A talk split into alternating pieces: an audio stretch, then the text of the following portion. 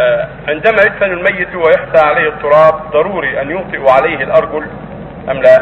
إذا دفن الميت لا يوطى ولكن يواسى بالأيدي يواسى التراب بالأيدي ثم يرش بالماء يوضع عليه الحصباء ثم يدعى له بالمغفرة والثبات هذا المشروع ولا يوطى لا يوطى بالرجل ولا يجلس عليه.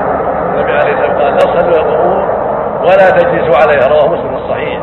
وقال عليه الصلاة والسلام لا يجلس احدكم على جمره فتصل إلى جلده وتعلقه فمن فيها صفة جلده خير له من اجلس يجلس على قبره